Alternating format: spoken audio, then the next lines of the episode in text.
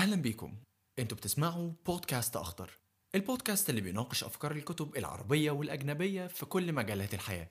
للي ما يعرفش أخضر فهي منصة مهتمة بتبسيط الكتب والمعرفة بنقدم خلاصات لأهم الكتب عن طريق قناتنا على يوتيوب. ده بجانب تطبيق أخضر واللي بيقدم الملخصات بطريقة مسموعة ومقروءة في أكتر من 16 قسم في كافة مجالات الحياة. لو عاوزين تعرفوا أكتر عن أخضر هتلاقوا link ال website في ال description ويلا بينا نبدأ البودكاست. ملخص كتاب دليل البائع الناجح المبادئ الأساسية لتحقيق مبيعات عظيمة من أخضر dot com لمؤلفه جيفري جيتومر.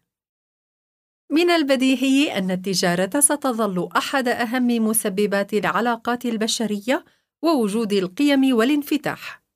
وعلى مر التاريخ بحث ذوو العقول في أمور البيع ومهارات التجار الذين وصلوا إلى نجاح غير مسبوق دفع الناس إلى النظر وراءهم ليخرجوا بخلاصات ودراسات عن دليل البائع الناجح وكيف يصل إلى مبيعات ضخمة لمنتجاته ومشاريعه.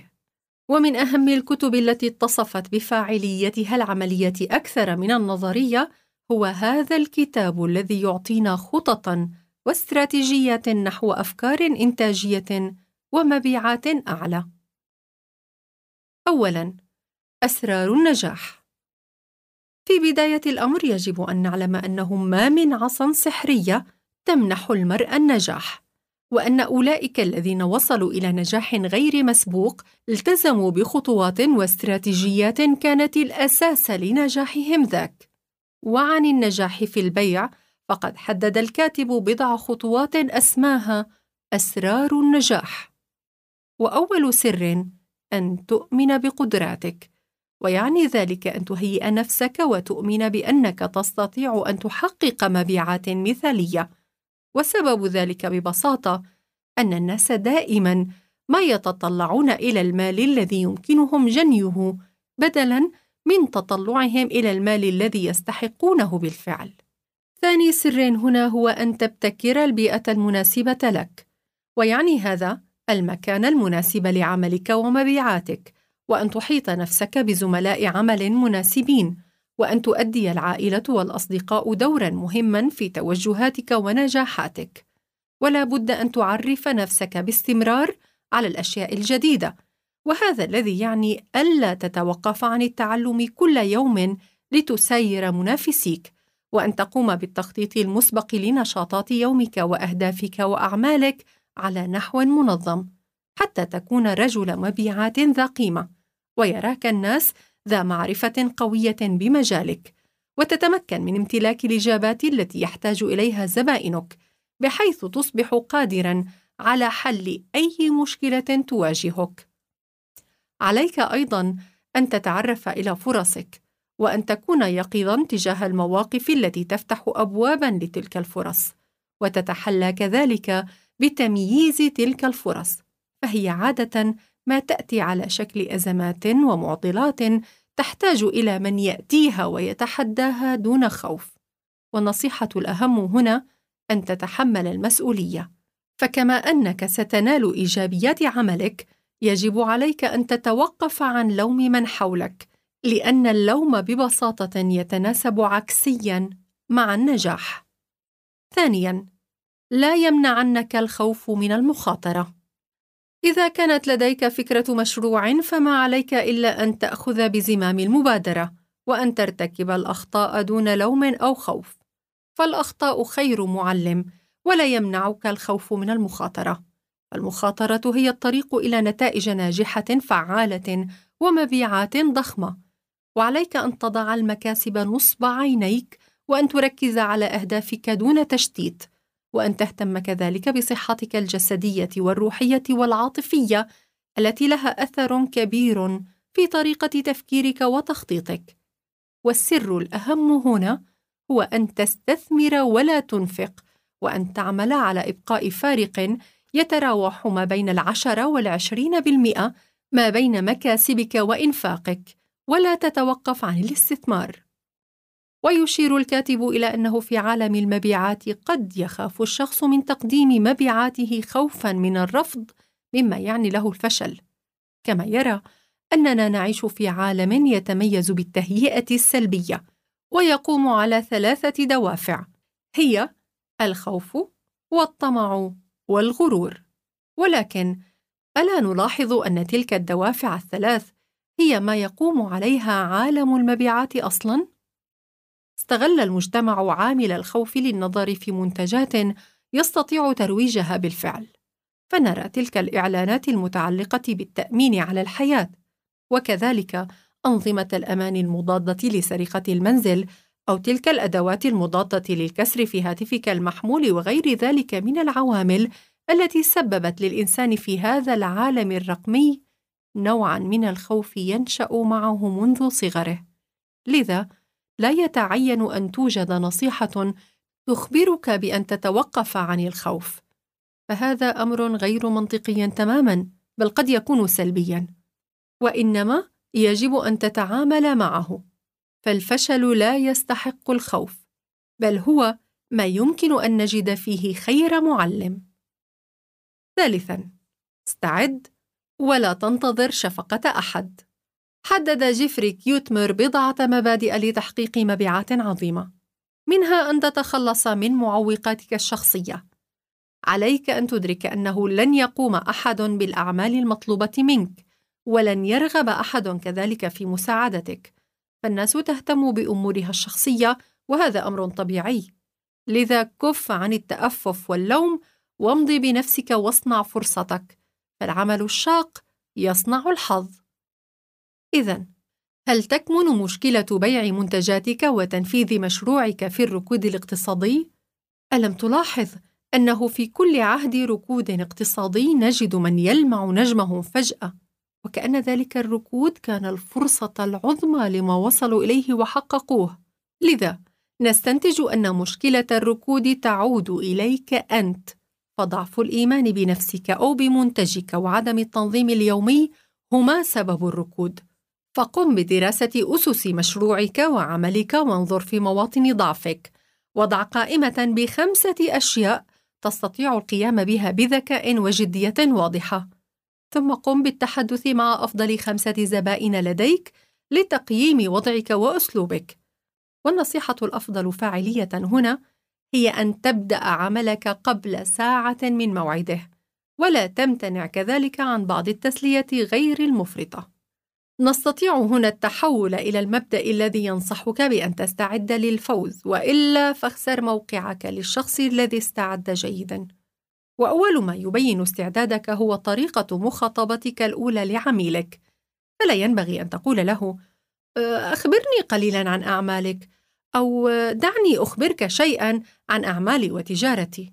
ولكن ابحث عما يهتم به هذا العميل من خلال مواقعه أو مطبوعاته أو موظفيه من خلال هذه المصادر تستطيع جمع معلومات جيدة عن اهتماماته لمحاورته وجذب انتباهه. رابعاً: القيمة أهم من السعر. يجب أن تعي أن العلامة التجارية الشخصية الحقيقية هي البيع ومعرفة الناس بك، فلا يتوقف الأمر هنا على اسم شركتك الخاصة وصورتها، إنما الثقة التي تكتسبها من عملائك وتجارك، بحيث يرون فيك شخصا خبيرا يتخذ طريقه إلى القمة ويتميز بكونه مبتكرا وذا قيم. أما الخطوات العملية فهي أن تبدأ بإطلاق صفحتك على وسائل التواصل ثم موقعك التجاري وتتبع ذلك بوضع إعلان تجاري حول أعمالك وتأثير منتجاتك في مساعدة الآخرين وارتباطها بالأعمال والتبرعات الخيرية. وسيكون من اللازم الحصول على بطاقة تعريف بمهنتك بجودة وصورة عالية وجميلة. اذا يتعلق الأمر بالقيمة والعلاقات أكثر من مجرد السعر. ويعني هذا أن تنظر إلى زبائنك على أنهم أصدقاؤك الجدد الذين يجب أن تترسخ علاقتك بهم ويخرجون من علاقة البيع هذه سعداء بها. فنحن نصل هنا إلى أن البيع هو أمر تدفعه العاطفة وأن نظرتنا إلى المنتج لا تكمن في كونه مجرد سلعة إنما هي أشياء تسهل علينا حياتنا وتخدمنا في يومنا وتحل مشكلاتنا وأوضاعنا فتذكر أن البيع هو أمر راهن ويحقق العمولات لك، لكن الأصدقاء يدومون أبداً، وهم الذين يحققون القيمة التي تقدم لك الثروة الحقيقية. لذا، احرص على أن تكسب صديقاً في عميلك، لا أن تبيعه منتجك ثم تغادره. حاول الانضمام إلى المنظمات المدنية والجمعيات الخيرية التطوعية التي تكون شبكة علاقات اجتماعية قوية. لذا، فللاستفادة القصوى من مناسبة بناء علاقات يجب أن تمضي 75% من وقتك مع أشخاص لا تعرفهم. خامساً: تعامل مع صناع القرار وتحلى ببعض الفكاهة. ننتقل هنا إلى المبدأ الذي ينص على ضرورة الوصول إلى صانع القرار الحقيقي، وإلا فذلك يعني الفشل. بمعنى الوصول المباشر إلى عميلك الحقيقي وليس التعامل مع وسيط أو مساعد لا يمتلك الصلاحيات الكافية لاتخاذ القرار بالشراء. كما أن دراسة عملائك من حيث اهتماماتهم وحاجتهم إلى منتجاتك ستجعلهم منجذبين إلى عروضك وشخصك الذي سيظهر أنك خبير ومتعلم.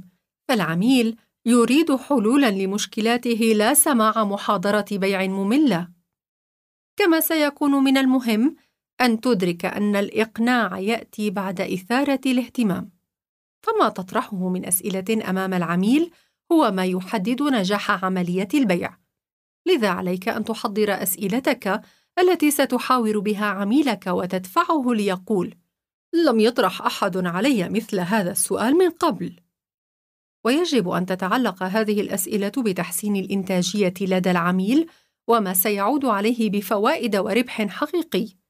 وحاول أن تتعلق أسئلتك بالأمر العاطفي وارتباط المنتج باحتياجات العميل أكثر من مجرد عرض المنتج وسعره. النصيحة الأكثر فاعلية هنا هي أنك إذا استطعت جعلهم يضحكون فستستطيع حملهم على الشراء منك. يجب عليك أن تتحلى ببعض الفكاهة. ويعطي الكاتب مثالاً حينما يتحدث أمام عملائه عن فقدانه لشعره، فيذكر أنه يقول: إن تلك المسألة مفيدة مادياً، فهو يستهلك القليل من الشامبو، كما أنه يوفر وقته الذي يستهلك في تمشيط شعره. كل هذه أمثلة عن ضرورة كون الفكاهة جزءًا من العرض، فكونك جعلت الناس يبتسمون سيشعرهم هذا بالارتياح لك. سادساً: ما بين إبداعك والخوف من مخاطرة الشراء. ننتقل هنا إلى ضرورة استخدام الإبداع للتميز والسيطرة، إذ يجب عليك استخدام ذكائك وإيمانك بذاتك في الانتباه والتركيز على الأمور المهمة لك، وكذلك جمع الأفكار وترتيبها ومذاكرتها، واكتساب الدعم من الأشخاص المناسبين، وقراءة الكتب التي تحث على الإبداع. وكأحد سبل الإبداع العملية، يجب عليك كصاحب مبيعات أن تهتم بكل ما يظهر للعميل أول مرة. وأهمها الرسائل الصوتية التي يجب أن تكون مبتكرة، تحمل بعض المرح والإبداع. وقد ذكر الكاتب مثالاً على ذلك: أهلاً بكم، أنت تتصل بي في أسعد أيام حياتي. شكراً لاتصالك وجعلك يومي أفضل. أرجوك دعني أعرف من أنت وما الذي أفعله لمساعدتك. تمتع بيومك. أما المبدأ الأكثر أهمية فينص على تخفيف عامل المخاطرة عند العملاء. فالعميل يتردد من فكرة المخاطرة بالشراء، من حيث أنه سيقع في فخ ما بعد الشراء بسبب سعر المنتج أو عدم جودته أو عدم أهميته وغير ذلك.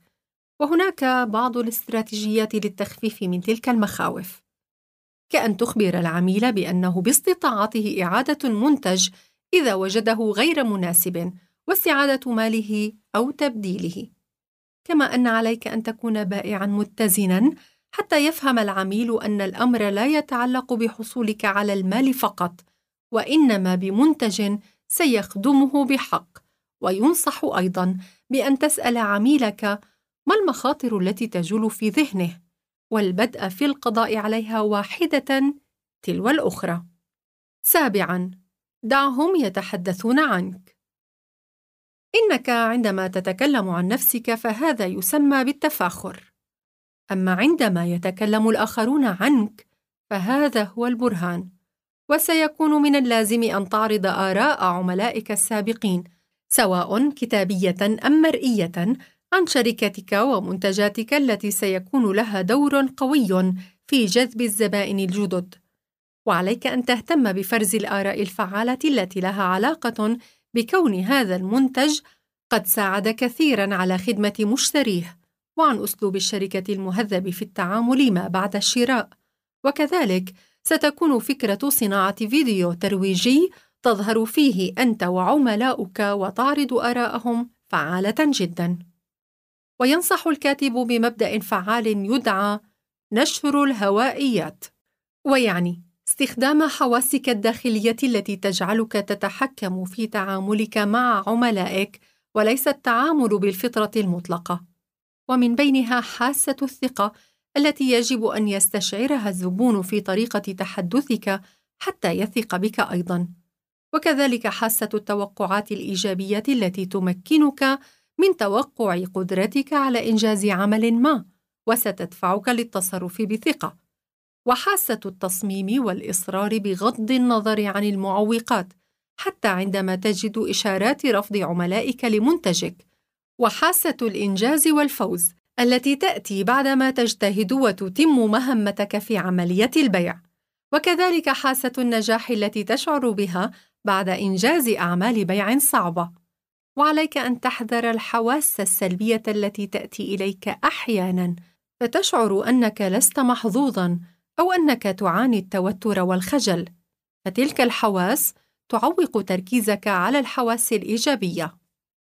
ثامنا قدم استقالتك من منصب مدير عام العالم. أما آخر مبدأ ينصح به الكاتب فهو تقديم استقالتك من وظيفة مدير عام العالم. ويعني هذا ببساطة أن تهتم لأمورك فقط لا لأمور الغير. ويجب عليك أن تنظر إلى نفسك وعملك لا إلى الأحداث التي حولك. والآراء على الأخبار اليومية والجدالات المضيعة للوقت والجهد. فإنك إذا جمعت الأوقات التي تقضيها في أمور ليست من شأنك ستجد أنه كان بإمكانك أن تطور من نفسك على نحو غير متوقع سواء في مجال المبيعات أم غيرها. ويجب عليك أن تتقن انضباطك الذاتي الخاص بك وتبتعد عن الملهيات والمماطلة. وعليك أيضا أن تبتعد عن ذلك التشتت الذي تشعر به في حياتك وفي عملك. فقط جد لنفسك شيئا تحبه وتستطيع الإيمان به وبيئة مليئة بالمرح واشخاصا تمنحهم احترامك ومحبتك. واعلم أن اللحظة التي تقرر فيها الاستقالة من الاهتمام بشؤون الناس هي نفسها التي تختار فيها الشيء الأكثر سهولة لنجاحك في حياتك. إن أول ما يلفت انتباه العملاء هو أنت. فهم يميلون إلى البائعين المهذبين الذين يختلفون عن أولئك البائعين الروتينيين الجامدين. وكذلك لابد من الاهتمام بمظهرك أمام عملائك وطريقة تحدثك. وكذلك معرفتك القوية بمنتجك الناتجة عن الدراسة الجيدة. وأيضا امتلاكك حس الفكاهة وسمعتك التي تسبقك والتي تبين معاملتك مع عملائك السابقين. وعليك أن تهتم بكل هذه الأدوات حتى تصبح نموذجا في عالم المبيعات. ثم عليك أن تسأل نفسك لماذا أنت بالذات في مجال البيع؟ ولماذا هم؟ وستقودك إجابتك إلى جوانب قوية تستطيع أخذها كنقاط قوة. كما عليك أن تتذكر أن الناس لا تشتري بناء على أسبابك واحتياجاتك أنت إنما يشترون بناء على أسبابهم الخاصة بهم. وختاما كل هذه النصائح التي ربما سمعتها كثيرا في حياتك هي بالطبع ليست اسرارا خفية. ولكن من المدهش أن قلة قليلة من الناس فقط مستعدون للتقيد بالانضباط الذاتي اليومي اللازم لتحقيق مستويات أعلى من النجاح. وفي عالم المبيعات يكون النصر من نصيب الأفضل تحضيرا والمؤمن بذاته ولا يشترط أن يكون الأسرع أو الأقوى بل ذلك الشخص الذي يؤمن بذاته ولا يتوقف عن التعلم. لذا فإن أكبر سر للنجاح وكذلك أكبر عقبة أمامه هما أنت. فأي وصف ستختار؟